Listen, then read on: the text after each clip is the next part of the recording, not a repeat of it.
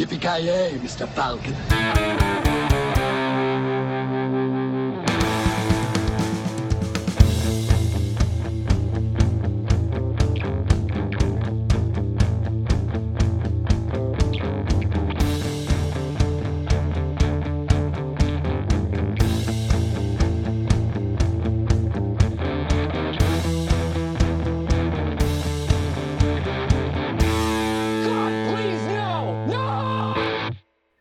Tjena kära lyssnare! Välkomna till Filmsmakarna! I veckans avsnitt kommer vi att avhandla den nya Dune-filmen av Denis Villeneuve.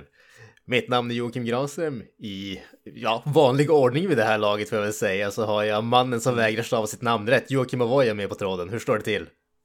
Vägrar, är det väl någon som stavar fel är det väl du ändå. CH är ju det enda sättet. Jag vägrar acceptera att man kan stava Joakim med CH. Det är inte korrekt. Hur, vad, hur ser du på sångaren i Hammerfall då?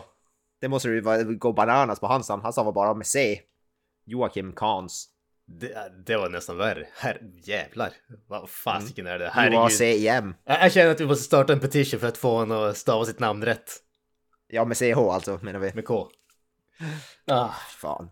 Det, fa- finns, det, det är faktiskt många som tror att det är så, bara, hur talas det här? Är det Joachim? Jag bara, nej, det är inte. Joachim. CH. Jag skulle börja kalla dig Joachim nu från, från och med nu. Joachim. Då får jag det Kim. Ja, nej, det är väl, det står bra. Jag eh, står bra till, jag har varit och vandrat på sanddynor hela helgen. Hög på kryddor förstår jag. Eh, cayennepeppar faktiskt. Den bästa kryddan. va, va, vad är det, på tal om kryddor, vad, vad har du för, vad är din favoritkrydda of all time? Alltså jag vet fasiken inte. Jag, jag måste erkänna att jag är ju... Cayennepeppar är ju en bra en. Sen är jag, Mm, ganska, cayenne. jag är ganska så svag för... Eh, ja, fasiken vad heter det? Alltså bara vanlig sån här typ svartpeppar och sånt där. Det, Ja, det, det, alltså det, det är ju en sån där... Det funkar ju till allting, det är det som är grejen. Du kan sätta svartpeppar på allt och det blir bättre. Men det har ju ganska, inte så mycket smak själv, det som förstärker ju det och salt är väl mer som smakförstärkare nästan. På något sätt. Medan alla andra kryddor tillsätter sin egen smak på Ja, något sätt. kanske det. Kanske det. Jag gillar ju stark mat så jag brukar kan ju stoppa cayennepeppar på jävla allt. Jag tycker det är nice som fan alltså. Problemet med cayennepeppar kan jag tycka är att det krävs så jävla mycket krydda för att få hettan. Ja, jo det gör det ju, men det blir ju nice när man väl gör det. Å andra sidan, jag tycker alltid om att äta röd mat. Det blir typ illröd om man sätter mycket cayennepeppar. Ja, ja. Så att det, jag vet Annars- inte, det är någonting med det. Annars gillar man ju vitlökspulver, det funkar ju alltid. Eh, finns ju lite med lite chili, chilipulver, men det är ju typ cayenne. Och så, ja. Habanero, piri piri, piri piri, Ja. där snackar vi. Uh, good shit. Ja.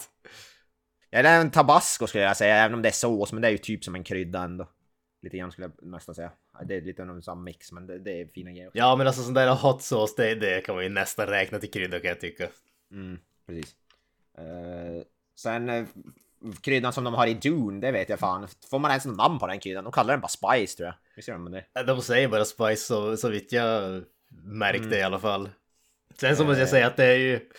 Kan, jag kan ju börja med att säga att jag har inte läst boken som eh, hela härligheten är baserad på, så jag ska inte uttala mig om hur Ja, mycket samma. såna här långa förklaringar man får om kryddan och vad den är och hur den funkar. Men ju- just den här biten att Okej, det, det är en krydda som är typ en hallucinogen drog och som förlänger livet och som tydligen är nödvändig för att man ska kunna resa i rymden. Det känns som att de har lagt jävligt mycket på axlarna av den där kryddan alltså, utan att man får någon direkt förklaring.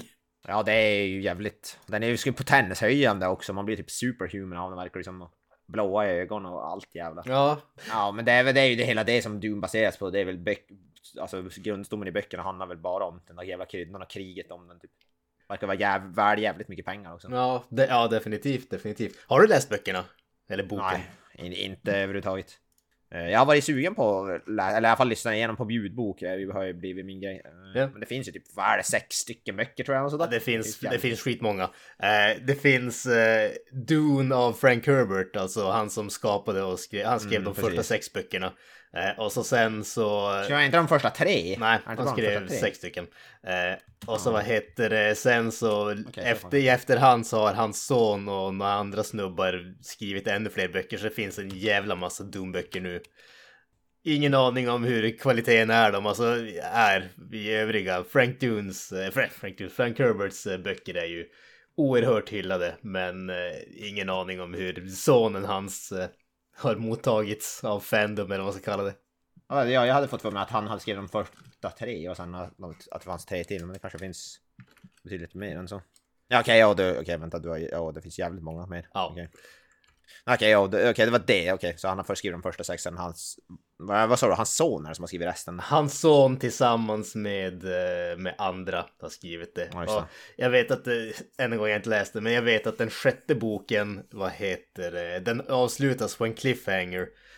Och sen dog han, Frank Herbert, innan han skrev den sjunde boken. Så jag vet, jag tror att början av eh, början av de här andra böckerna som sonen skrev var mm. typ anteckningarna som Frank hade för den sjunde boken.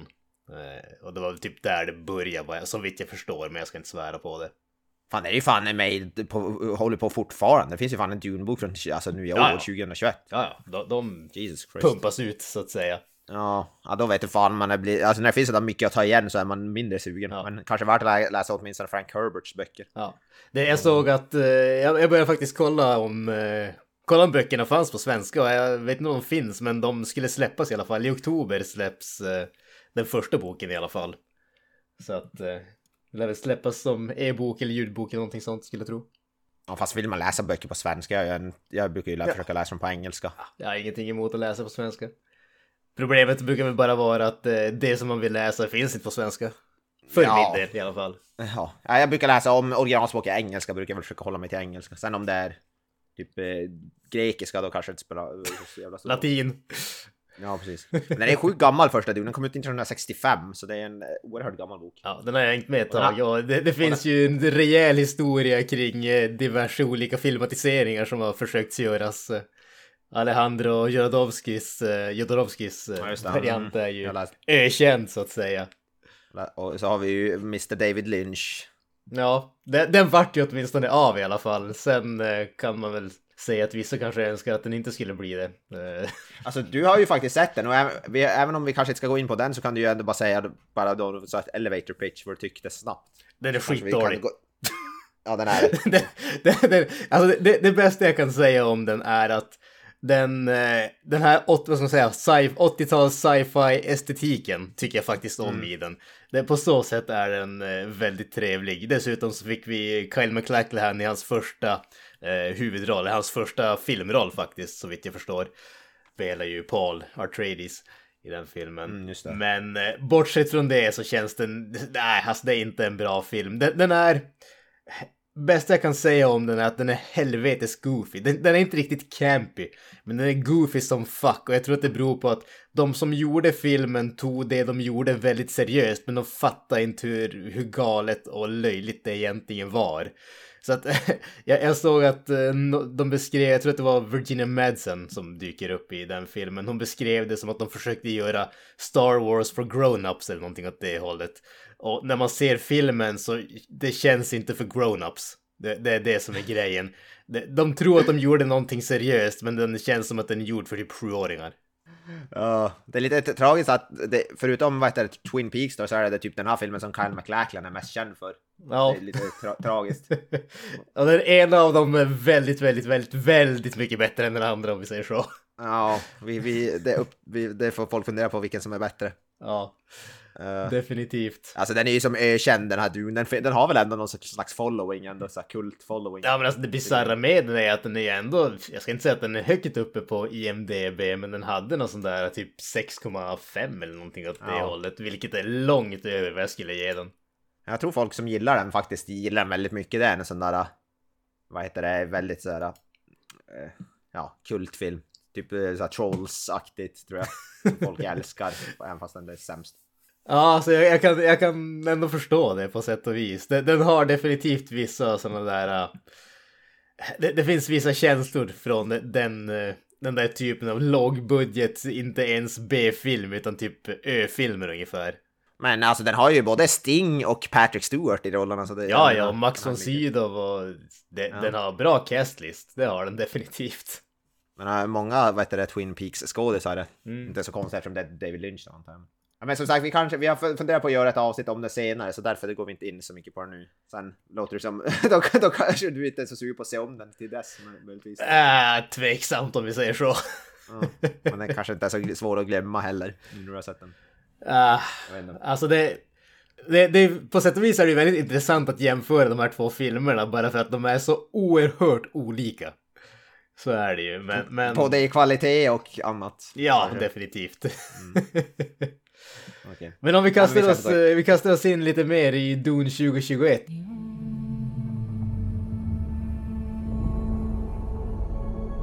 My planet Arrakis is so beautiful when the sun is low. Rolling over the sands, you can see spice in the air. The outsiders ravage our lands in front of our eyes.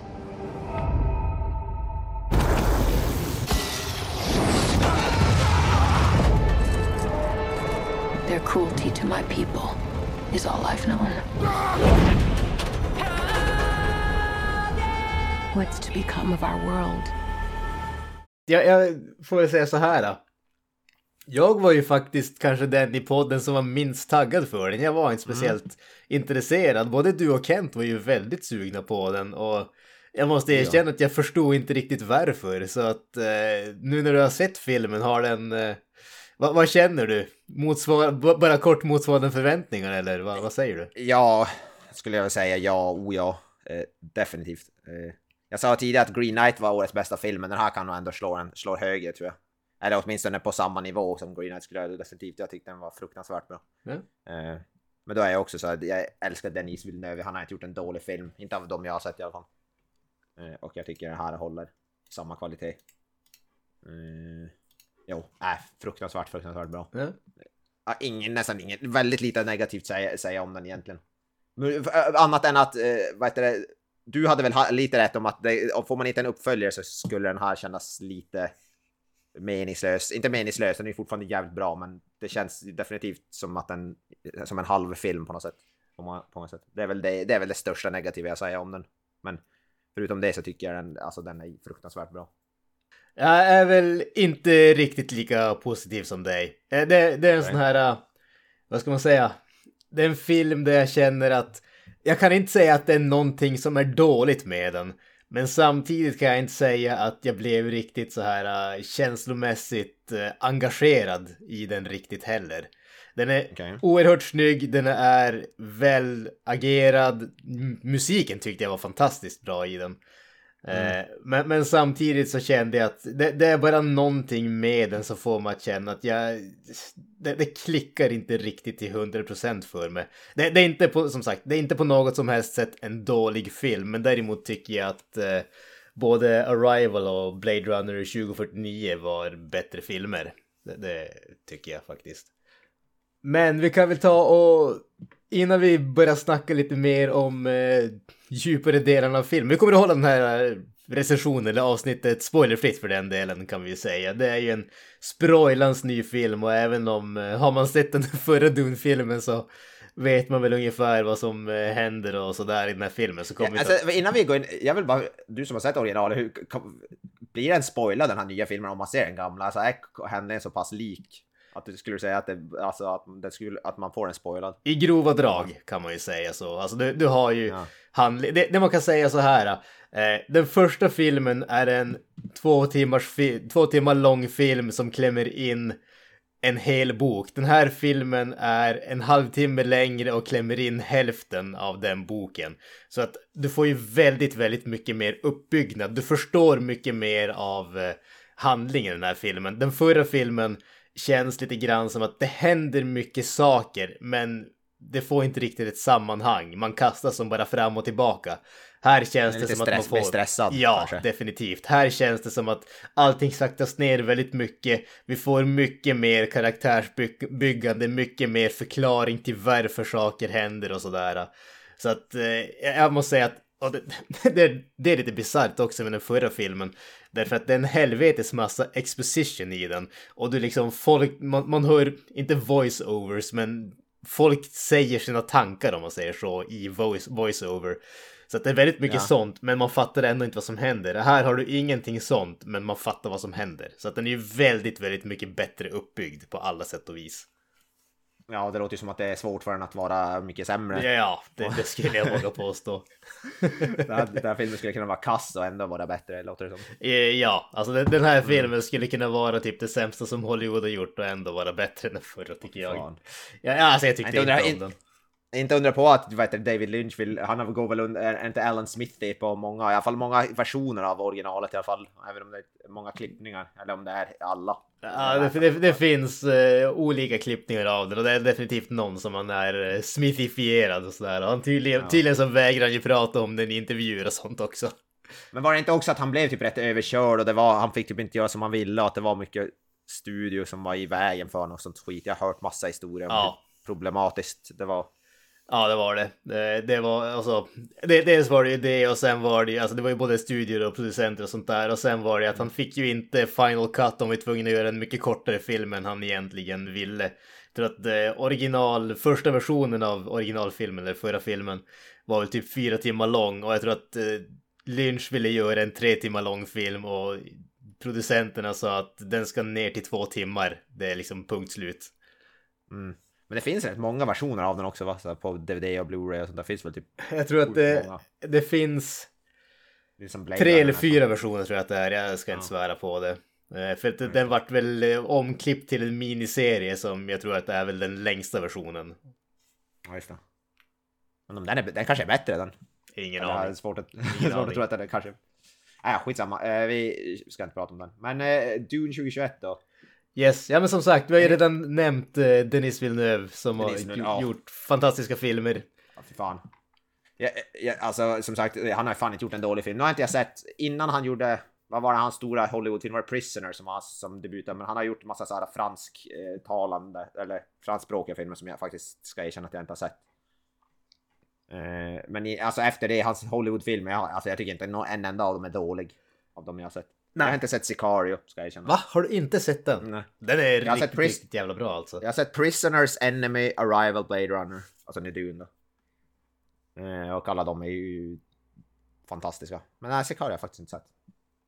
Alltså den, den tycker jag definitivt ska jag säga. Jag, jag tycker jag tycker alla hans filmer som jag har sett, och jag, jag tror att jag har sett, eh, precis som dig, jag har sett The Prisoners och alla efter det. Eh, Jag tycker de är riktigt, riktigt bra allihopa. Eh, Och, Mm. Ja, de, är, allihopa är värda att se om vi säger så. Det är ingen tvekan Ja. om det. Den saken. Det var ju faktiskt rätt förvånande, för det, det var, alltså han hade en ganska lång, innan Prisoners hade han en rätt lång karriär. Han har gjort typ fyra, tre, fyra filmer innan Prisoners. Eh, som inte är lika stora, men det hade jag faktiskt ingen aning om förrän, det var inte så jättelänge sedan jag fick reda på det. Men det är något så här, typ små indie-draman typ. Aktigt. Eh, Den är skriven då av också Denise Villeneuve, men även John Spates och Eric Roth. Så den är skriven, det är tre manusförfattare i alla fall. Eh, Precis. Som jag inte har koll på alls. Eh, Den enda som jag har lite koll på där, eller lite koll på, det lät väldigt mycket där, det är John Spates och orsaken till det är att han skrev Aliens Engineers, vilket är grundstommen till det som bli, blev Prometheus innan Ridley Scott kom in och fuckade upp allting. Jaha. Jaha, Så att, och jag kan säga, det manuset finns på internet. Det är bara att söka upp det. Det är riktigt bra. Det är mycket mer logiskt än vad Prometheus eh, blev i slutändan. Så John, John Space har även skrivit Doctor Strange, han har skrivit Passengers. Han har skrivit eh, den här fruktansvärt bra Mumien-filmen med Tom Cruise från 2017. Fantastisk film. Fantastiskt. Det blir inte bättre än så. Eller? Fy fan, vad, eh, magisk. Eh, Eric Roth har, vad fan har han skrivit? Han har skrivit Benjamin Button. Forrest Gump har han fan med skrivit. Okej, så det är en gedigen lista. Ja. Ja, för, föga förvånande att Talang är med bakom kulisserna i den här nej. filmen. Ja, det är ju jävligt mycket. Sen, vad heter det, musiken är ju fan, vad heter det, Hans Zimmer. Ja, eh, det behöver inte säga så mycket om Hans Zimmer. Ja, alltså, ju, kan, kan man kalla han annat än legendarisk vid det här laget? ja, hade han John Williams, han och John Williams och eh, eh, ja, typ Howard Shore, är väl det något sånt där, de tre stora. Ja, Eh, första. Ja, för fan, musiken var, är så jävla bra i den här filmen alltså. Den är riktigt, riktigt bra. Och jag måste säga att det här är definitivt en film där musiken känns väldigt unik. Det, det, det, det är en sån här... Det låter inte som någonting annat kan jag tycka. Tydligen så har Hans Zimmer, eh, sa nej till att göra Tenet tror jag på grund av Dune. Ja. Att han har velat göra typ en Dune-film jävligt länge för att han gillar väl boken. Det var, så det, han sa till och med nej till Christopher Nolan. För, för det. Ja, alltså det, det känns som att när man har kommit till en sån nivå på karriären att man säger nej till Christopher Nolan, då, Ja. då har man nått höjderna så att säga. Ja, det var väl han som rekommenderade också, vem fan var det? Det var Ludvig Göransson tror jag som gjorde musiken till Tenet. Mm. Eh, Så det är jävla många stora namn. Och så eh, framför kameran då så har vi ju, ja, det blir inte sämre. Nej, det är I- definitivt en eh, rejäl, en diger skådespelarlista alltså. I huvudrollen är, vad är eh, ska vi säga uttalet, Timothy Chalamet, Chalamet, Chalam, någonting? Nå- någonting åt det hållet. Chalamet, Någonting åt det hållet. Eh, är väl eh, kanske den, en av de, han är väl blivit rätt stort namn men han är fortfarande jämfört med hans medskådespelare så han är fortfarande inte såhär kanske household Han är name nej precis, han är inte ett household name. Däremot så har han ju ändå en hyfsat eh, bra, vad ska jag säga, eh, IMDB-lista. Han har ju varit med i ett eh, 30-tal filmer och eh, han vart ju faktiskt Oscar-nominerad. Oscars-nominerad för eh, Call Me By Your Name som släpptes för några år sedan. Jag har inte sett den men förutsätter att den är väldigt bra. Ja, fall. jag, jag, jag tror faktiskt inte jag sett, jag tror det är den första filmen jag ser med han, men jag, ja, ja, jag måste säga att jag gillar han så fan. Han har väl intensitet som jag gillar. Han är väldigt, Mm. Det är någonting med han som, jag, som är lite förtrollande nästan. Jag tycker han är riktigt jävla bra faktiskt. Ja, jag tyckte också att han var riktigt bra. Jag såg han faktiskt i The King på Netflix här om eh, veckan. Eh, där han också spelar huvudrollen som eh, Henry VIII. Och eh, jag tyckte han var bra där. där han står inte ut riktigt lika mycket i den filmen tyckte jag. Men det är väl kanske lite grann så karaktären är där. Men jag tyckte han var riktigt, riktigt bra i den här filmen faktiskt. Just det, det är någon slags riddar, epic, medieval. Ja, precis, Eh, precis. Det. Han ska väl även eh, eh, spela, eh, vad heter Bob Dylan har jag för mig att jag läste någonstans i någon ty- kommande bio- eh, självbiografifilm. Eller något sånt där. Jaså? Mm. Jag kommer ihåg att jag läste det. Så, så ja. Nej, jävlar, han är en sån där, vad heter det, up and coming lite grann höll jag på att säga. Och ung är han också, han är fan yngre än mig. Fan vad åldersnoja. Han är fyra år han han är inte ens 30 än. Han är ju på pojkspoling höll jag på att säga. Ja, jag har kommit till, jag till den här uh, nivån, i den här delen i livet alltså, där jag inser att alla som är kända numera, de är yngre än mig, jag har ingen aning om vem de är. Ja, nej det är ju samma med, vad heter det, eh, i, i en av andra, nej inte huvudrollen, men det är ju Zendaya har vi ju en av de andra rollerna. Hon är ju också Mm. ung så jävligt. Från Spider-Man då, Ja, precis. MJ. Eh, vad har vi mer? Vi har svenskt, eh, två, Två stycken Swe- till och med. Swedish, Swedish Pride gånger två. Ja, precis. Vad har vi där då? Rebecca, Ferguson, såklart, som tycks dyka upp i allting numera tycker jag. Ja jävlar vad hon gör mycket. Eh, men eh, ja det är, det är ju bra. Swedish representation. Ja, precis. Jag tycker hon, hon är riktigt bra i den här filmen faktiskt, tycker jag. Ja, ja men hon är bra i det. Hon Det, sett- det jag är ingen som är dålig i den här filmen, Nej, jag, säga. jag har sett hon i en hel del grejer, eller ja, en hel del, men hon är, hon är bra i nästan allt jag har sett hittills. Ja, det- det håller jag definitivt Eh, med om. Eh, Stellan Skarsgård, givetvis. Ja, han är ju fan, han var, det med, han var ju fan med, med, mest förvånad för mig att de Stellan Skarsgård fick en här hyfsat stor som skurkrollen, eller Ja. huvudskurkrollen till och med.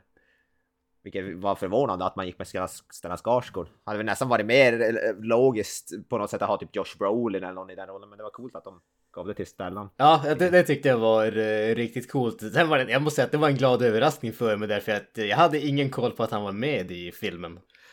Jag visste att han var med och att han... Jag, jag, att han hade någon halv skurkrollaktig, men jag visste inte att det var så pass... Att det var som main bad guy som den var. Typ. En flygande tjockis skulle jag väl kalla honom. Ja, precis, precis. Han är ju, jag läste att eh, tydligen så var det sju timmar i makeup-stolen för att eh, bli så Ja. fet som han eh, behövde vara i den här filmen. Jag tyckte han, han var nästan lite obehaglig i rollen. Han gjorde det riktigt bra faktiskt. Ja, så jag jag, tyck- hans... Jag, jag tyckte verkligen, verkligen om rösten hans i den här filmen. Sättet han pratar på funkar sjukt bra. Mm, ja. Sjukt- Jävligt, jävligt bra. Eh, vidare har vi, vi har Oscar Isaac såklart. Givetvis. The man, the myth, the legend vid det här laget håller jag på att säga. Ja. Ska spela Solid Snake i uppkommande Metal Gear Solid-film. Mm. Mm. Josh Eh, Brolin, som tidigare nämnd. Josh Brolin. Josh Brolin, precis. Det är rätt sjukt att man har så stora skådisar i hyfsat små roller. Josh Brolin har ju ändå inte jättemycket screen time. Och han är ju ändå typ en av världens största skådisar. eh, Liksom. Och han är ändå inte, han är med i, inte så mycket ändå i filmen. Jämfört med många andra. Eh, vi har Jason Momoa såklart. Såklart. Eh, vi har Javier Bardem. Där har vi också, han är med sjukt lite. Ja, alltså riktigt, han har 10 minuters screen time eller något. Ja, precis. Han lär ju dock å andra sidan, får vi uppföljaren så lär, lär han ju ha betydligt mer screen time. ja, det är väl det. Kan man, han, kan man både säga han- samma sak med Zendaya också som Zendaya, typ precis. dyker upp i några slow motion shots spritt genom filmen men vi får ju väldigt lite av hennes karaktär. Jo. Men det var ju det jag förstått, det andra halvan av, av boken är väl och utspelar sig mer där i öknen av de här äh, frem, Fremens. Så det är ganska logiskt kanske att de får mer screentime i andra filmen då. Jag har nästan hört att hon har lite mer av en huvudroll i, i andra delen av boken. Alltså att hon är nästan mer main character där. Som jag har förstått. Mm, så hon lär ju få lätt mycket screentime i tvåan då. Eh, vad har vi mer stora namn? Dave Bautista kanske är väl det. Dave Bautista är väl kanske den som är närmast att vara household name höll på att säga nu vid det här laget med tanke på Marvel. Ja, ja, ja, för fan. Han blir ju sjukt stor där. Dök ju givetvis även upp i Blade Runner 2049. Mm. Ja, han är fan eh, jävligt stort namn i det här laget. Ja, jävligt. Eh, är alltid bra tycker jag i det han gör. Han är riktigt underhållande. I, i vad heter Guardians of the Galaxy är han fan bäst tycker jag. Tycker han nästan är roligast. Kolla på det. Han har ju Eh. definitivt bl- blivit en sån som kom från lite grann ingenstans tycker jag. Alltså Mm. just, jag vet inte om det bara är jag, men när man har såna här uh, wrestlare som alltid ska göra filmer så har det varit det, det har som alltid varit att de ska försöka göra det och leva på sitt namn ungefär utan att egentligen ha någon större talang. Men eh, jag måste säga att de vi har fått nu på senaste tiden, det vill säga The Rock och eh, The Rock och Dave. Bautista och John Cena är ju faktiskt eh, bra skådespelare också. Jag tycker väl Dave Bautista nästan står ut med. Jag tycker han är, han är väl den som lever minst på sitt namn nästan lite. Han är, alltså, Dave Bautista är inte lika igenkänt namn som John Cena och The Rock skulle jag ändå säga. Olika, hans ansikte är inte lika sådär välkänt. Så, jag, för, så där tycker jag ändå att han, han är den som kanske lever mest på skådespelar. Som ska ha talang mest av de tre faktiskt. Mm.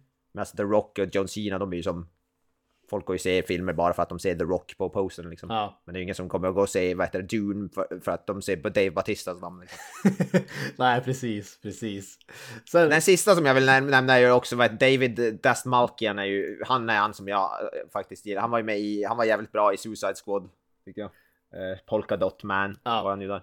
Han var sjukt bra i den filmen tycker jag. Han var en av de största behållningarna för mig den. Jag det var jävligt roligt. även med i Dark Knight är det väl. Ja, ja, Dark Knight, Prisoners han med i. Eh, Han är också en sån där som verkar dyka upp väldigt mycket här och där numera. Mm. Ja, han har faktiskt fått en jävligt bra karriär. Duktig snubbe, väldigt duktig snubbe. Ja, han Sen- är riktigt bra. Jag känner att jag vill också nämna Charlotte Rampling. I, egentligen enbart därför jag läste på Wikipedia-sidan på den här filmen att eh, hon skulle tydligen spela Lady Jessica, alltså eh, Rebecca Fergusons roll i eh, Alejandro Jodorowskis eh, vad heter Dune-film, Jaha. men att Ja, hon det. eh, tackade nej till rob- rollen därför att jag kan säga så här, det, det står, så här står det. Jag drar det direkt från trivia-sektionen. sektionen. Ram- Rampling, who will star in Denis Villeneuve's upcoming adaptation of the 1965 novel, originally wanted to play Lady Jessica in Alejandro Jodorowsky's failed Dune project, but declined the offer due to a scene that involved 2,000 extras defecating at once. Wait, what? Va? Va? Ja, hej, va? Varför? 2000 extras som skulle skita samtidigt. Fråga mig men inte om sammanhang eller kontext eller någonting, men bara tanken på att hon tackade nej till rollen på grund av det får mig att känna att det, det måste ha varit en underbar film att ens vara med. Uh, jag har så mycket frågor och funderingar kring det där. Varför, hur, när, var, why? Det kan vara den bästa liksom trivia-biten jag någonsin har hört. Jag tycker det lät som en incentive för att man vill vara med och se vad fan det är det handlar om. Det Hon är inte svensk, nej hon är fan inte Nej, svensk. inte Hon hade ett svenskklingande namn. Men...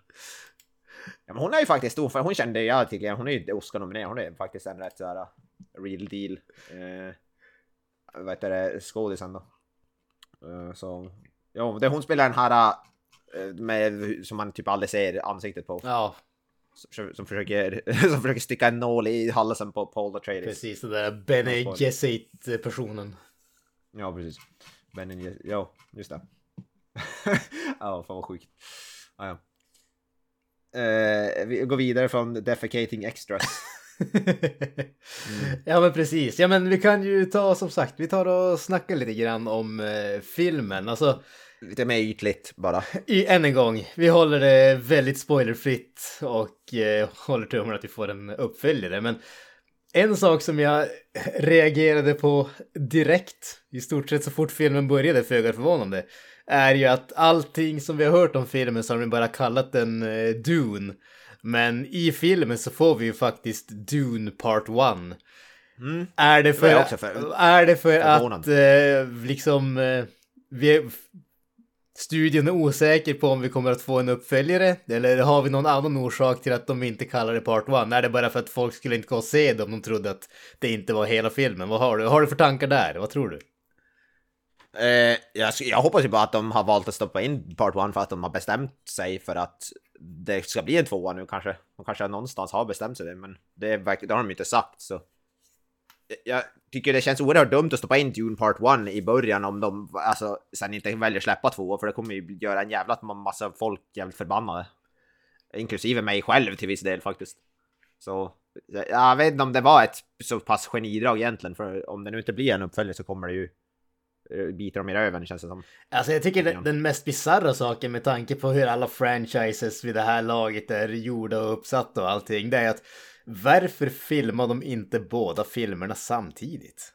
Det, det kan ju jag tycka är den bisarra Kanske blir jävla dyr. Den här filmen kostade tydligen hun, nästan alltså 165 miljoner dollar så den är ju fruktansvärt dyr. Ja, ja, absolut. alltså, vi men, men ändå, miljarder. men ändå. Jag menar, det, det känns ju som att gör du en sån här grej så varför inte? Det, det är ju, alltså det, det är ju, jag menar, du gör ju ändå, det är ju inte så att eh, studion inte visste vad de höll på med. Det är ju inte så att eh, Denis Villeneuve sa att okej, jag vill göra Dune och så sen så liksom sa han till studion, jag ska göra hela boken i en film och sen så när filmen levererades så var det halva boken. Det är inte så att de var omedvetna om hans planer, så att säga. Så menar, De kanske var någon sån grej att de var, vad heter det, de var osäkra och inte ville lägga ut för då hade vi väl snackat om en närmare halv miljard dollar, ja men i alla fall en 300 miljoner plus dollar. Kanske blev, de tänkte bara ah fan vi får se hur första gör först innan vi pungar ut med så mycket. Jag vet inte om det, är, om det bara är en pengafråga. Han har sagt det ni vill nu att han är redo att börja typ, alltså direkt om det går bra. Alltså han har sagt det, att jag kan börja typ imorgon i princip. Nej men, alltså det är relativt, men typ jävligt snart om, om de ger alltså grönt ljus. Men ja, jag vet inte. Jag skulle gissa på att en pengafråga, det är väl enda, mitt enda logiska svar. Ja, i slutändan så är det väl så money rules som de säger, men alltså det, jag tycker bara att det känns väldigt bisarrt. När, när, alltså, Och det är väl det är väldigt svårt att veta också hur bra den har gått hittills, för den har inte blivit premiär i USA förrän om typ en månad. nej, det, det, än en gång, där har vi också en intressant grej. Vi får ju den eh, i stort sett en månad innan Amerika, men däremot så får de ju den på streaming samtidigt som den har biopremiär där. Och jag kan ju tycka att det är ett litet Eh, Eh, det är åtminstone ett smart drag kan jag tycka, att de släpper den på bio i resten av världen innan de släpper den på streaming samtidigt. Istället för att släppa den i Amerika först och streaming samtidigt och sen släppa den senare på bio här i resten av världen som, de, som har varit liksom standard i vanliga fall. Ja, jag tycker fortfarande det är, släpper den på streaming samtidigt i USA och samtidigt som går på bio känns som att det ändå är en potentiellt förlorade intäkter oavsett. Ja, ja, garanterat. Garanterat är det så. Det är ju, det, det har ju dessutom Villeneuve själv sagt att han, var ju hårt emot, eh, vad heter det, hårt emot att de skulle släppa den på streaming samtidigt bara därför att om vi får en uppföljare inte beror på hur det, den rent ekonomiska biten av den här filmen och att släppa den på streaming det är liksom undercuts eh, möjligheten att dra in biointäkterna. Mm, precis, så där, alltså rent ekonomiskt hade det varit smartare att släppa den på streaming en månad efter biopremiären i USA. Ja. Men det ville väl inte ja, eh, Warner Brothers då, antar jag. Det skulle vara intressant att veta hur mycket de vill ha in på den här filmen för att det ska vara värt att göra Ja, en det är uppföljare. fan är jävla mycket. För det är väl nästan som jag förstått en av de dyraste filmerna nästan i historien. Ja, alltså den är fan i topp tror jag. Den är ju fruktansvärt dyr. Alltså den, den är fan mig nästan 200 miljoner dollar. Så den är ju definitivt en av de dyrare på senare år skulle jag påstå. Den är väl nästan i klass med Endgame, här på att säga. Eh, rent ekonomiskt. Men den måste ju dra in jävligt mycket tror jag. Så det är väl lite oroande ändå. Jag vill gärna ha uppföljare nu när jag sett första. Ja men så är det. Men det, det som jag kan tänka där det är ju också att det, det, de kan ju inte ha liksom en realistisk förväntan att den ska dra in så mycket pengar om den släpps på streaming samtidigt. Nej. Det, det är ju Det det. är De, de måste ju som justera förväntningarna i så fall. Det är det jag inte vet. De kanske tror att den kommer dra... Alltså, fast jag vet inte egentligen hur det fungerar, hur fan filmen kan... För jag vet inte om det är på så HBO Max, alltså att det är någon special, du måste fortfarande betala för den oavsett eller om det kommer ingå i prenumeration att du kan se den. Jag är inte riktigt säker på hur det där fungerar. Eller om det är så att du måste ha HBO Max Premium eller betala 200 spänn för att, se, för att kunna se Dune, även Mm. oavsett om du har HBO. Jag vet inte riktigt hur det där fungerar om jag ska vara helt ärlig. Undrar om det var någon skillnad om de hade gjort som eh, Disney Plus att du egentligen får köpa streamingen på de här nya filmerna så att du har din Disney Plus prenumeration men vill du se de senaste filmerna får du betala vad det är 20 dollar eller 15 dollar vad det nu är för att få. Ja men det är det, jag, men det är det jag menar om det är något sånt. Jag, vet, jag är inte riktigt säker på hur HBO Max fungerar. Vi har ju det inte i Sverige så det är svårt att säga. Mm. Allting vi har fått på, som, vad heter, vi har inte HBO Max, men när vi tänker till exempel Zack Snyders, alltså Snyder Cut, vi fick ju den bara i vanlig HBO Nordic prenumeration och ser den. Så är det så det fungerar på HBO Max, så då kan jag väl tänka att det kan dra in potentiellt pengar. Men om det bara ingår i, då förstår jag inte överhuvudtaget hur man ska... Det är ju om de får nya prenumerationer bara för att Dune kommer in på, på, på streamingtjänsten. Men annars är det väl, tänker jag, plus minus noll höll jag på att säga. Det är inte som att de kommer dra in några extra pengar. Ja precis, det, kän, det känns ju lite grann som ett nollsummespel i så fall. Mm. Så det, det får vi väl se, men ja. Vi måste ju dra in en jävla massa pengar i alla fall. Det är ju ett som är säkert. Men det verkar ju som att ändå filmen för den här till liksom nya Marvel, Shang-Chi eller vad den heter, den har ju gått jävligt bra. Eh, Den går väl på streaming samtidigt också, så det finns väl ändå hopp. Jag tänker den här nya, vad heter det, karate Marvel-filmen, whatever. Jag tror, är den på streaming verkligen? Jag för mig att det var, Jag jag, jag, jag har för mig att eh, Black Widow var den sista Marvel-filmen som de skulle släppa på streaming. Jaha, ja det kan Jag ska inte svära på det, jag kan ha fel, men jag har för mig det. Ja, ja, ja, men ta det med en nypa salt. Jag, jag har inte... Men eh, i alla fall, Dune 2021. Vad, vad fan handlar Dune om? Det handlar om kryddor. Är det svartpeppar? Är det vitpeppar? Jag tror att det är en Salt. potent blandning av cayenne, habanero och eh, vitpeppar. Eh, med en gnutta potenshöjande Viagra, vet inte, Viagra eller något, jag vet inte. Vi jagar en krydda nu. Ja men ett fan om du mosar ner det så kan du säkert sniff, snorta på något. Vad är det? Spanish fly vad de kallar det. Nej men vad handlar Dune om? Vad är handlingen? Den är ganska komplicerad, det är inte så jävla lätt att sammanfatta den. här. Alltså du, Krydda handlar om. Eh, ja, men du har ju... Jag kan säga att det här är en film som utspelas väldigt långt in i framtiden, år 10 191 om jag inte är helt Ja, ute och bara en cyklar. ganska 8000 år i framtiden eller något sånt. 9000 kanske till och med. Precis. Där, där omkring i alla fall. Eh, och eh, du har de här olika husen så att säga, som är familjer. Eh, som styr olika planeter och så har du någon sorts eh, kejsare som styr över det kända universum. Eh, och eh, den här eh, ökenplaneten Arrakis, eh, som också är känd som Dune, är det, tidigare så var den typ en ointressant planet tills de upptäckte kryddan som de kallar det. Vilket är den här fantastiska substansen som vi inte egentligen vet riktigt vad det är för någonting. Men som har en miljard olika effekter som är extremt viktiga allihopa. Och eh, tidigare så har det varit den här eh, House Harkonnen. Eh, som då styrs av eh, baronen spelad av eh, Stellan Skarsgård. Stellan. Det. de, de har eh, haft, eh, vad ska man säga, styre över den här planeten och eh, den här, det här folket som de i stort sett har eh, kuvat. Vad fan är de heter? Fre Fremennen? Fremen. Fremens. Ja, precis. Fremens. Blåög, blåögda folket. Ja, precis. De får blåa ögon av den här kryddan va? Det är väl för att exposure till den här kryddan ger blåa ögon. Precis, precis. Eh, och eh, de här de har liksom utvunnit den här kryddan till resten av universum under väldigt lång tid. Men från eh, ingenstans så bestämmer kejsaren sig för att eh, ta bort dem från det här eh, styret och istället sätta dit eh, familjen, eller House Atreides. Och det är då här Atreides som är eh, huvudpersonerna i den här filmen. Paul Atreides är, den, är sonen i familjen och den som är next in line om vi säger så. Spelad av Kyle Mc... Nej, fan, det var fel, det var fel film. Eh, Precis. Timothy Chalamet. ja, tack. Timothy Chalamet spelar i Paul Atreides, ja. Ja, precis. Precis. Eh, och det som, eh, det som man får reda på lite grann in i det är det här att eh, den, här uh, styret över den här planeten är en, vad ska man kalla det, en förgiftad gåva i stort sett. Uh, Kejsaren gav dem planeten därför för att i stort sett starta ett krig mellan Harkonnen och Atreides. För att uh, försvaga båda husen och bevara sin egen makt. Men den stora de- delen av den här filmen handlar ju då om hur de kommer dit till den där planeten och hur Harkonnen i stort sett startar kriget så att säga. För att... Ja, de kommer dit och får se att allt equipment är typ det är fallfärdigt och ingenting fungerar, det är bara skit. Ja, precis. Maskiner som är paj och de... Och kejsaren han vill väl, vad heter det, i princip, ja som du säger försvar för att han vill, han var rädd att typ de ska ta över tronen från han eller sno tronen, tronen från han typ eller något sånt Ja, precis. Det, det, det är en sån där... eh, tillsammans så skulle husen vara starkare än han, men är de söndrade så har han fortfarande makten i stort sett.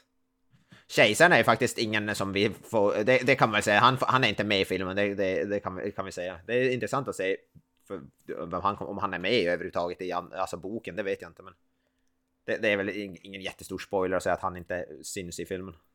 Nej, det, det är det inte. Alltså, det, det är ju, det här är ju en film som är väldigt, väldigt, väldigt fokuserad på Paul Atreides. Det är väldigt få scener där han inte är med. Ja. Ja, precis. Eh, Och det är ju faktiskt bra att vi får en så pass, alltså att Timothy Chalamet faktiskt är så pass bra tycker jag. För eh, det bär, han, det bär, han bär hela filmen nästan. Eh, hade, hade han varit dålig så hade filmen fallit pladask. Ja, nej, alltså det, det här hade ju varit ett... eh, Som du säger, den hade fallit pladask. Det här är ju en så stor roll. Är ju någonting som kräver väldigt mycket från eh, den som axlar rollen om man säger så. En felcasting där tror jag hade kunnat vara liksom dödsstöten. Även om alla runt om är fantastiskt bra. Mm. Nej, jag tycker äh, det är väl alltså ett av filmens starka. Jag tycker Timothy Chalamet, han som jag sa, han har någonting nästan förtrollande över sig. Han har ett i intressant utseende om man säger så. Det, Ja, det, det det, är också. någonting som får en att vilja se på honom. Ja, det där lät ju nästan erotiskt, men det är ju typ nästan sant. Han är väldigt, vad heter det? I Ja, ögonfallande. han har någon ögonfallande som fan. Han har någon slags intensitet som jag verkligen gillar och det är svårt att kolla bort tycker jag. Eh, och han är, han gör väldigt mycket, väldigt lite också. Han är väldigt subtil sitt skådespeleri som jag gillar. Han är Mm. definitivt inte ett, han, han är ju motsatsen till Nicolas Cage. ja, det, Han, han, skulle, han skulle aldrig kunna göra en Nicolas Cage-aktig roll. Eh, för han, han spelar snarare, snarare under, höll jag på att säga, än att spela över. Ja. På sätt. alltså det skulle vara intressant att se han ta en Nicolas Cage-roll. Det, det... Alltså det, ja men vet han kanske hade kunnat spela en Nicolas Cage i någon självbiografi. Kanske har någon, det skulle vara Han underbart. Snacka om vad det är motpoler till varandra. Alltså. Det, är- alltså, jag, Nej. jag förutsätter att när vi får en Nicolas Cage-film, när vi får en självbiografi om Nicolas Cage så är det Timothy Chalamet som eh, spelar han och allting kommer att vara, 90% av den filmen kommer att vara bakom kulisserna på Vampires Kiss. Ja, alltså rent utseendemässigt hade jag väl ändå kunnat köpa han som någon, kanske en ung, i alla fall nu som en ung Nicolas Cage. Alltså det hade väl säkert gått att fixa. Sen vet du, personlighetsmässigt verkar han ju vara väldigt lågmäld, som jag, som, alltså man ser intervjuer och sånt där med han. Han är definitivt inte lika, ja, vad fan är det, excentrisk. är väl ordet jag söker. Å andra sidan så om, om vi tar eh, Nick Cage som eh, nivån för vad som är ex- excentriskt så tror jag att ingen är excentrisk längre. Ja, nej. Det är väl med Shia Shia LaBeouf möjligtvis. Mm. Ja, precis. Och, eh, han har ju absolut mest screentime, är det 95% av. Men även den som får nä näst mest screentime, det är väl möjligtvis morsan och Rebecca Ferguson. Eh, spelar, som, spelar hans, eh, vad heter det, kära mor då, Lady Jessica. Precis. Också fruktansvärt bra faktiskt. Jag gillar, jag gillar, alltså som vi har sagt, alla är bra i den här filmen, det finns ingen. Eh, till och med Ja- Jason Momoa som är ju en hyfsat träig skådis ändå. Så dude broig skådis. Han- Till och med han gör ju ett bra jobb. Ja, men fördelen med, som jag kan känna i den här rollen som han har är ju att de har faktiskt tagit vara på hans dude broighet om man säger så. Ja, Det- han spelar någon slags general, soldat. Han, det, ja, precis. Alltså han, hans dude broighet, för, det, det är karaktären, så att säga. Mm. Du, du behöver det, det hade inte funkat annars. Ja, men han levererar ju dock lite samma typ av one-liners ändå i den här filmen som han ofta gör. Det är som, till och med inte i den här, den här filmen har väldigt få one-liners, men det, de flesta av dem är levererade av Jason Momoa, skulle jag vilja påstå. Eh, han, han är ändå rätt badass, han är i alla fall, han en väldigt fysisk roll. Han har, han har ju mest, slagsmålscener kanske i, i filmen.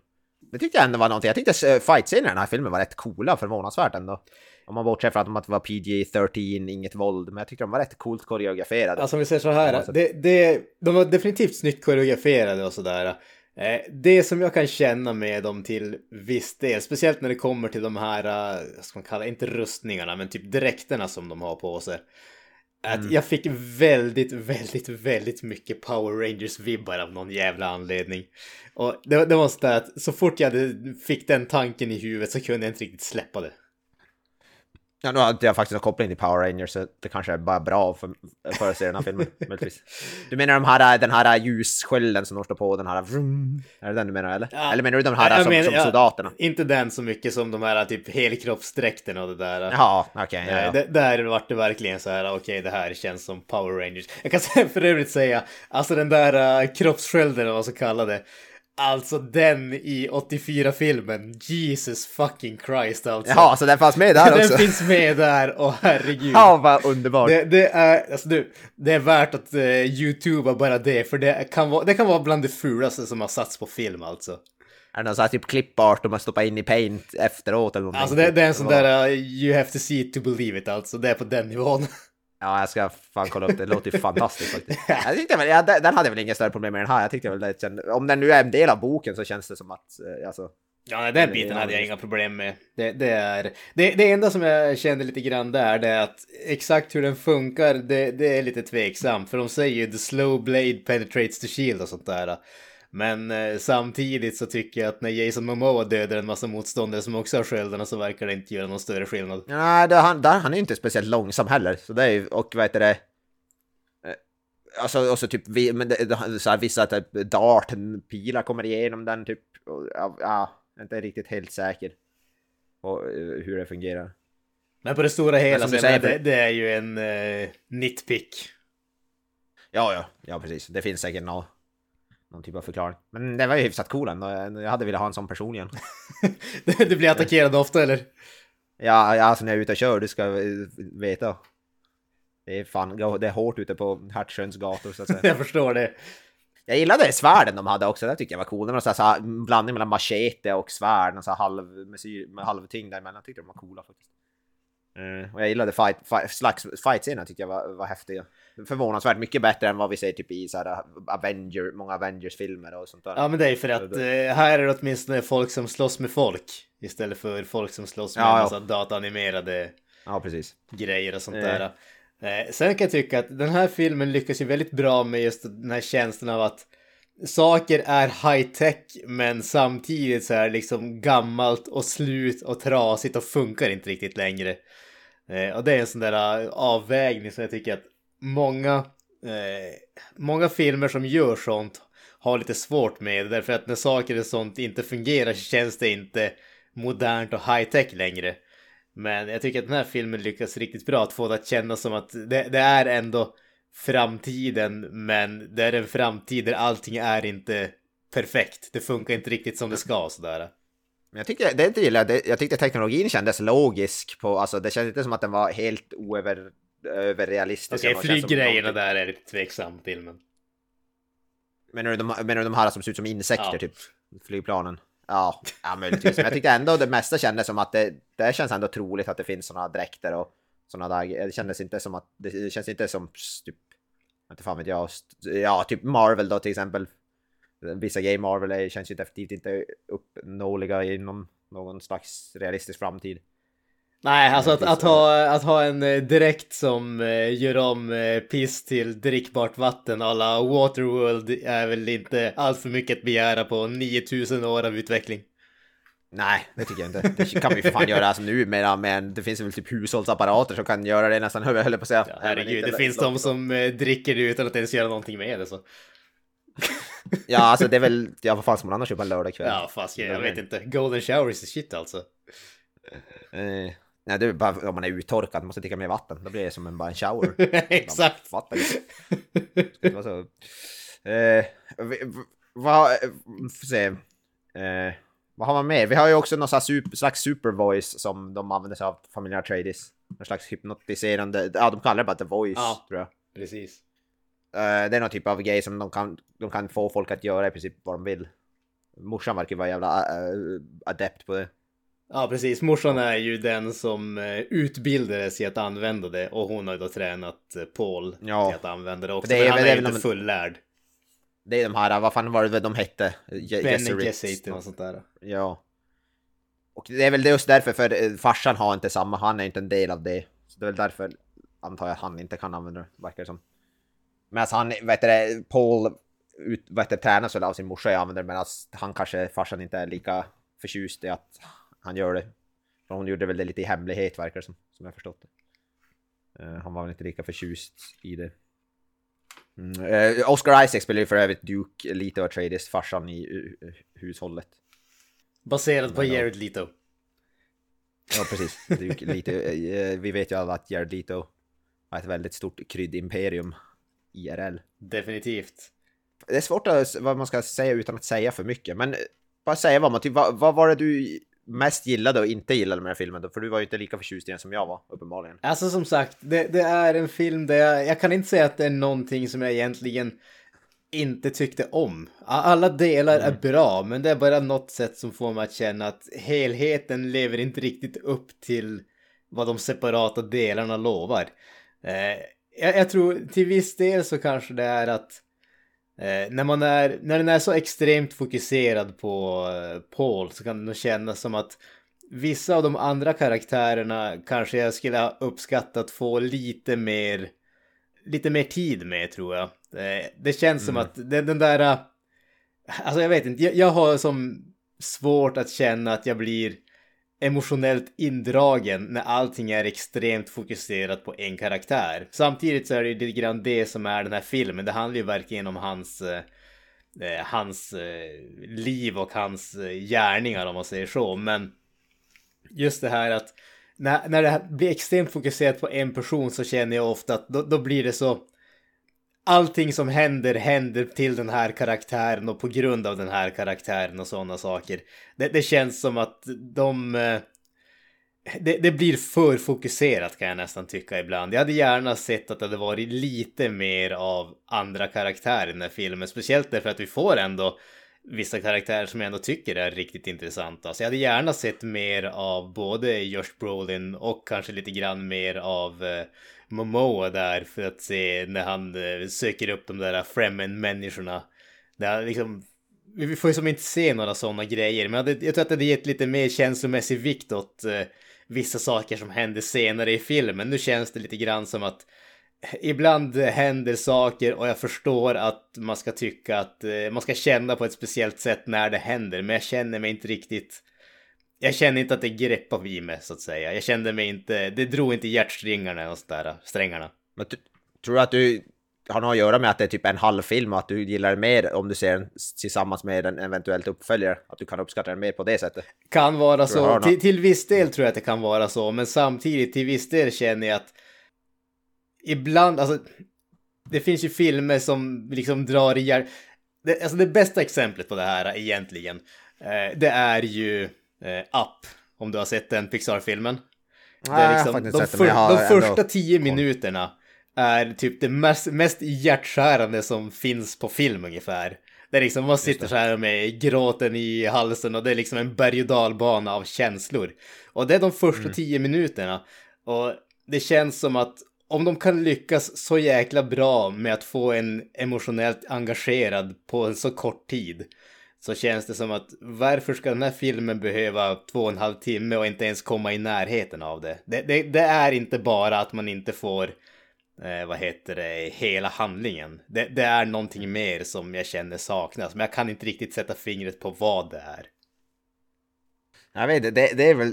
Ja, det har ju viss, viss del håller jag väl med om. Det finns vissa karaktärer man hade velat se mer av. Jag hade, jag hade personligen velat se mer av vad heter det, hans, vad heter det, skurken, The Baron, för jag tyckte han var så pass intressant som skurk. Och han var med alldeles för lite. Men han lär väl också vara med, en som är med i andra filmen betydligt mer, skulle jag gissa på. Eh, Eftersom han verkar vara en rätt central del av... Förhoppningsvis. Han, han är ju definitivt i den andra filmen så är han ju då the big bad om man säger så. Ja, okej. Okay. Förresten, hur var han? Vem var han med i original? Jag antar att han var med i David Lynch-filmen också. Han är med i David Lynch-filmen och eh, han känner... Ser han ut och... Vem spelas han av för det första? Jag vet inte vem han spelas av. Någon snubbe som jag aldrig hört talas om. Han ser... Han har lite små välgjord makeup men själva karaktären känns som nästan till någonting man skulle hitta i en buskis-grej äh, ungefär. Det är, äh, det, han är jävligt svår att ta seriös i den filmen kan vi säga. I den här filmen så är han liksom så här uh, hotfull och vad heter det ja. där? Där känns han, han gör ju samma sådana där typ bisarra sjuka grejer i den filmen men det känns som att uh, han är så out there så det går inte att ta seriöst. Det, det, det är så här han evil har... laugh uh, ondska om man säger så. Ahahaha, ungefär. I am doing evil things. Ja, just det.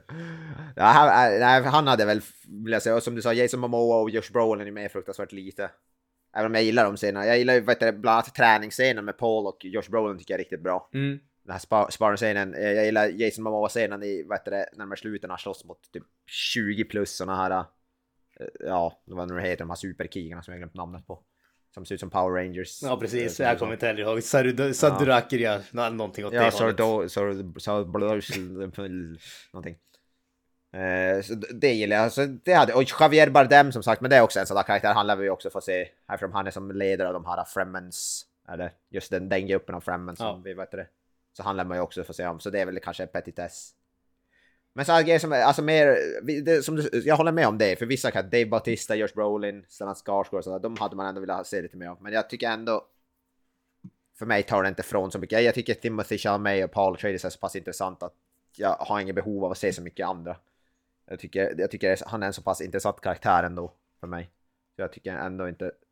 Det, och det här är också en film som lever mycket på det, vad heter det visuella och även ja, ja, ljud säger vi då. För ja. Helt krasst. Alltså, så ljuddesign och musik och allting är ju i princip 10 av 10. Ja men så är det ju. Alltså, eh. Som du säger, alltså, cinematografin och eh, ljuddesignen är fantastiskt bra i den här filmen. Och eh, mm. en, en, sak som jag definitivt kan säga, även om än en gång jag tycker inte att den här filmen är riktigt lika bra som du tycker, så är det, det är definitivt en film som är värd att se på bio. Alltså den, den, mm. den, den tar vara på bioformatet om man säger så. Så att det... Ja, se, se, den inte på HBO Max om en månad på din telefon. Nej, precis. Det, då, då har du missat uh, halva grejen med filmen alltså. Det är definitivt en film som förtjänar att ses på riktigt stor duk med riktigt fläskigt ljud. Ja, ja ska du se den hemma så, se till, så då gör det då fan på en rätt stor bild. Annars, annars vad heter det, gör man sig själv en björntjänst så att säga. Ja. Eh, och sen är bra ljudsystem för Hans Zimmers musik ska alltid alltså Hans Zimmer, fan man kan ju han är sådär man kan se en film bara för hans musik, för hans musik är alltid bra oavsett om man gillar filmen i övrigt. Och som sagt det visuella, det är alltså specialeffekter, allting. Det finns ingenting, äh, vet du, de så kallade ökända sandworms är ju med också. Jävligt coola tycker jag. Ja, alltså de, de är betydligt bättre i den här filmen än de var i den förra. Ja, ja just det. Återigen, hur såg de ut i originalfilmen? Uh, alltså det, det, är, vissa gånger ser de ut som typ en vanlig jäkla dagmask och vissa gånger ser de ut som en eh, typ deformerad penis. Det, det är uh, väldigt det är udda. Mm. Hur många deformerade penisar har du sett i ditt liv? Undrar jag då. Jag har sett min egen. Eh, ja, deformerade penis. och du säger, vad fan, det där såg bekant ut. Var det så du tänkte eller? Ja, fasiken. Kolla ner i skrevet. Har de tagit inspiration från den? Ja, just det. Det var konstigt att de var så före sin tid. Min penis existerade i film före jag existerade i verkligheten. Men den filmen kom ju ut typ, du, fanns väl, du kanske var påtänkt när den, den filmen kom ut? Ja, precis. Året innan jag föddes, så att det är inte omöjligt. Okej, okay. ja, just det. Just det. Eh, men i den här filmen tyckte jag, där tyckte de så coola ut. Eh, eh, det kan vara bra att de kanske, de visar dem inte allt för mycket ska vi säga, så det kanske, det kanske är bra för mig ska ju vara lite som inte mytomspunna men det är något så- slags... Det är ju det mycket man ser från Dune är ju ofta, alltså när jag ser så här bilder så är det ofta den där sandmasken som man... Som är, vet du det, som det talas om och visas mycket av. Det, ja, precis. Eh. Den är ju väldigt känd. Sen, är- sen sa jag bara, det, det här är en sån där uh, petitessgrej som... I, det, det är typ, jag för- förutsätter att det är ingen annan i världen än jag som ens stör mig på en sån här grej. Men du har de här gigantiska maskarna som är liksom hundratals meter långa. Bokstavligt talat. Mm. Eh, och så äter de små människor. Alltså det, det är som att eh, liksom, vi skulle livnära oss på att äta myror. Ja, alltså det är typ för oss som att gå, gå till Donken och köpa en, en pommes fritt typ. Och sen käka och sen gå därifrån. Det som... Det, det, det kan inte vara speciellt mättande. Nej, jag vet vad det är. Det är som att någon har spridit ut liksom eh, pommes på en fotbollsplan och vi vandrar upp, vandrar dit och liksom äter ett pommes i taget här och där.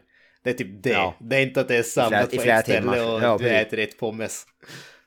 Jag ser det snarare som att de, de äter väl typ allt som, alltså de äter väl typ sand, de äter, de äter ju för fan upp en sån här jävla stor robotgrej. De verkar ju som, de verkar, de verkar ju kunna processera allt. Ja men, alltså, ja men precis, ja men det är det som är så, det, det är det som jag kan tycka blir lite bisarrt också. De äter upp en sån där gigantisk jävla eh, mining station som är alltså det är en, Ja, arbets, det är en arbetsplats, det måste ju väga liksom hundratals ton ungefär och så den här Ja. saken äter upp den och samtidigt så jagar den människor. Ja. är det? Det vet, jag kanske bara nitpicks, alltså- men det är bara en sån där så, Ja. liten sak som störde mig lite grann. Det är väl någon sån där grej, de kanske bara tycker det är störande, de bara fan. GTFO, Ja, it's my turn. Och det, det är väl också så här genom att de lyckas, fast det är kanske bara att de har någon superhörsel, men de hör en människa som slår lite löst på sanden med hand, med vad heter knytnäven. Men det kanske är något så att de har verkligen superduper hörsel och hör allt under sån... Där fanns det ju andra Det sidan och säger Oh, it's drum sand vid ett tillfälle. Ja okej, det är någon kanske en speciell typ så av det måste sand. vara någon speciell sån typ av sand antar jag. Ja. Men ja, Men jag gillar, gillar hur de såg ut, de var ju verkligen så, de var ju gigantiska och de var riktigt väl, välgjorda så. Bra att de ser så- bättre ut än en deformerad penis i alla fall. ja precis. Nej men heter det, eh, specialeffekterna är här ändå bra. Det, det är inte allt för mycket CGI ändå skulle jag vilja säga. Alltså, Jag, jag tror att det här är en sån där där. film där det är egentligen en oerhörd mängd CGI som vi bara inte ser. ja, ja, det, det är det ju inte, såklart. jag, jag tror det är inte så... Säga, det är inte specialeffekter. Det är inte sånt som är gjort för att dra ögat till sig. Om vi säger så. Nej men det är säkert mycket i bakgrund och mycket Ja. så här vyer sånt som gjort i CGI. Men mycket alltså on set tror jag också. Location, det är mycket mer än typ random, ja, vet jag inte vad man ska göra för, för liknelse men typ Zack Snyder, han är väl känd, han använder ju green screen och och kopiösa mängder till exempel. Så det är jävligt mycket, jag tror det är mycket praktiska effekt mer än vad man kan tro tror jag. Mm. Så det, det syns ju, det är sjukt, sjukt snyggt alltså. Och de specialeffekter, det är, ingen, det är definitivt inga specialeffekter som på något sätt är ögonfallande på så sätt att det är dåligt. Nej, allt med det visuella, det är ingenting att klaga på där i princip. Alltså Nej, kostymer och sådär också, dräkt, alltså hur de klär sig tycker jag, alltså allt, det är så, jävla, alltså allting är så som Ja, man, jag vill göra sån här som en, vad heter det, fin, sån där kock som med fingrarna. Mwah. chef's kiss. Chefskiss ja, fy fan. Eh, verkligen. Och som sagt, eh, det- alltså fight-scener, jag tycker, jag tycker de är skitcoola. Jag vet inte vad vad det är med dem. De, var- de var riktigt så väl koreograferade, förvånansvärt. Eh, Det, det tyckte jag var väldigt förvånande. Det är bara synd att det är så, de, de stävar folk men det som händer är ingenting. Knivarna kommer tillbaka till rena nästan, det är som in, ingenting. Det är som att folk inte blöder överhuvudtaget. Det är lite tråkigt där. Det fungerar bättre om det var lite... Men det är klart, det, vi kommer ju, det, det finns ju ingen chans att det skulle vara rated R en sån här film. Det är ju Nej, helt det, det är... otänkbart men O- det är synd. Det hade kunnat vara, det hade gett lite mer tyngd men det är ingenting jag stör på så, så, så jättemycket än. Nej, Det fungerar. än en gång, det, det känns som en petitess i sammanhanget.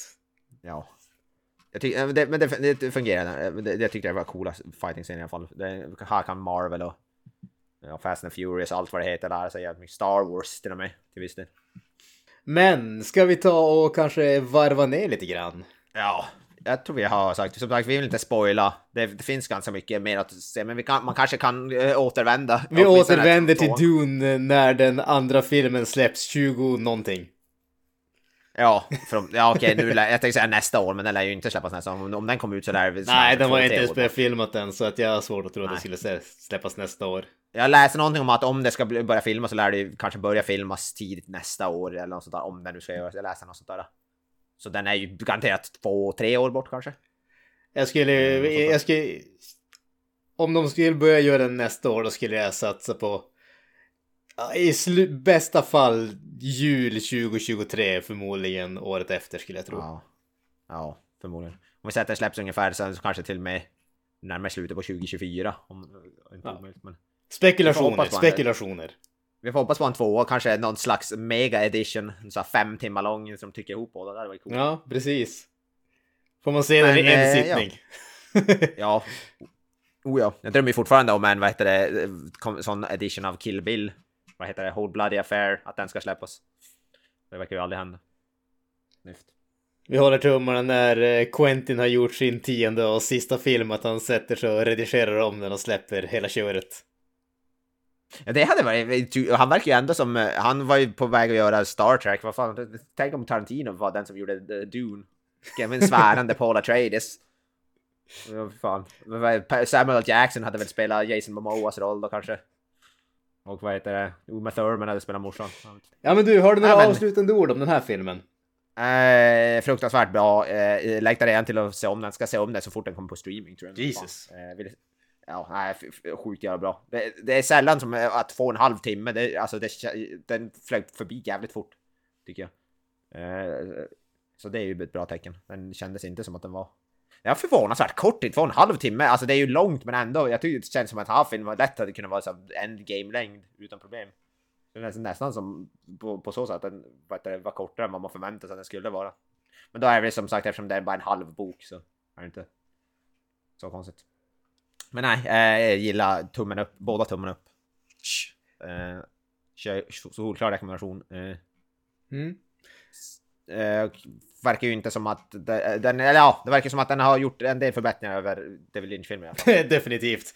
Det, jag kan väl rakt av säga att det finns ingen aspekt av den här filmen som är sämre än den. Förutom att vi inte får några deformerade penisar. Ah, det, det, en tragisk förlust. ja. Får man väl Men som säga. sagt, vi ser fram emot ett eventuellt avsnitt om, eh, vad heter det, original Dune kanske någon gång. Inte helt omöjligt, vi får se vad som händer. Eh, jag, jag, eh, om jag ska dra min bit, så att jag är ju definitivt inte lika, eh, riktigt lika positiv som dig. Eh, definitivt en bra film, det är ingen tvekan om den saken. Jag tycker definitivt det är en film som är värd att se, speciellt på bio.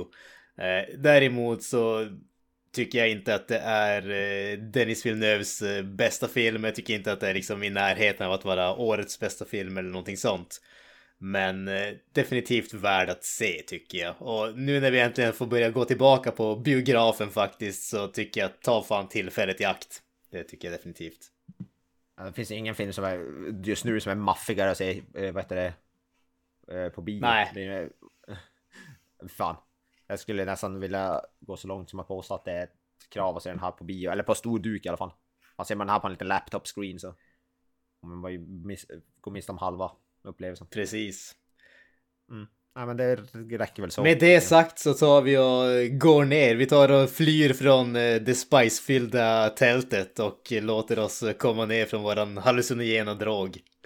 Ja, vi går tillbaka till våra cayennepeppar och vitlökspulver. Precis, i vanlig ordning så hittar ni oss på Facebook, eh, Instagram och eh, vi har våran eh, filmsmakarna.wordpress.com där det kommer upp lite grejer titt som tätt.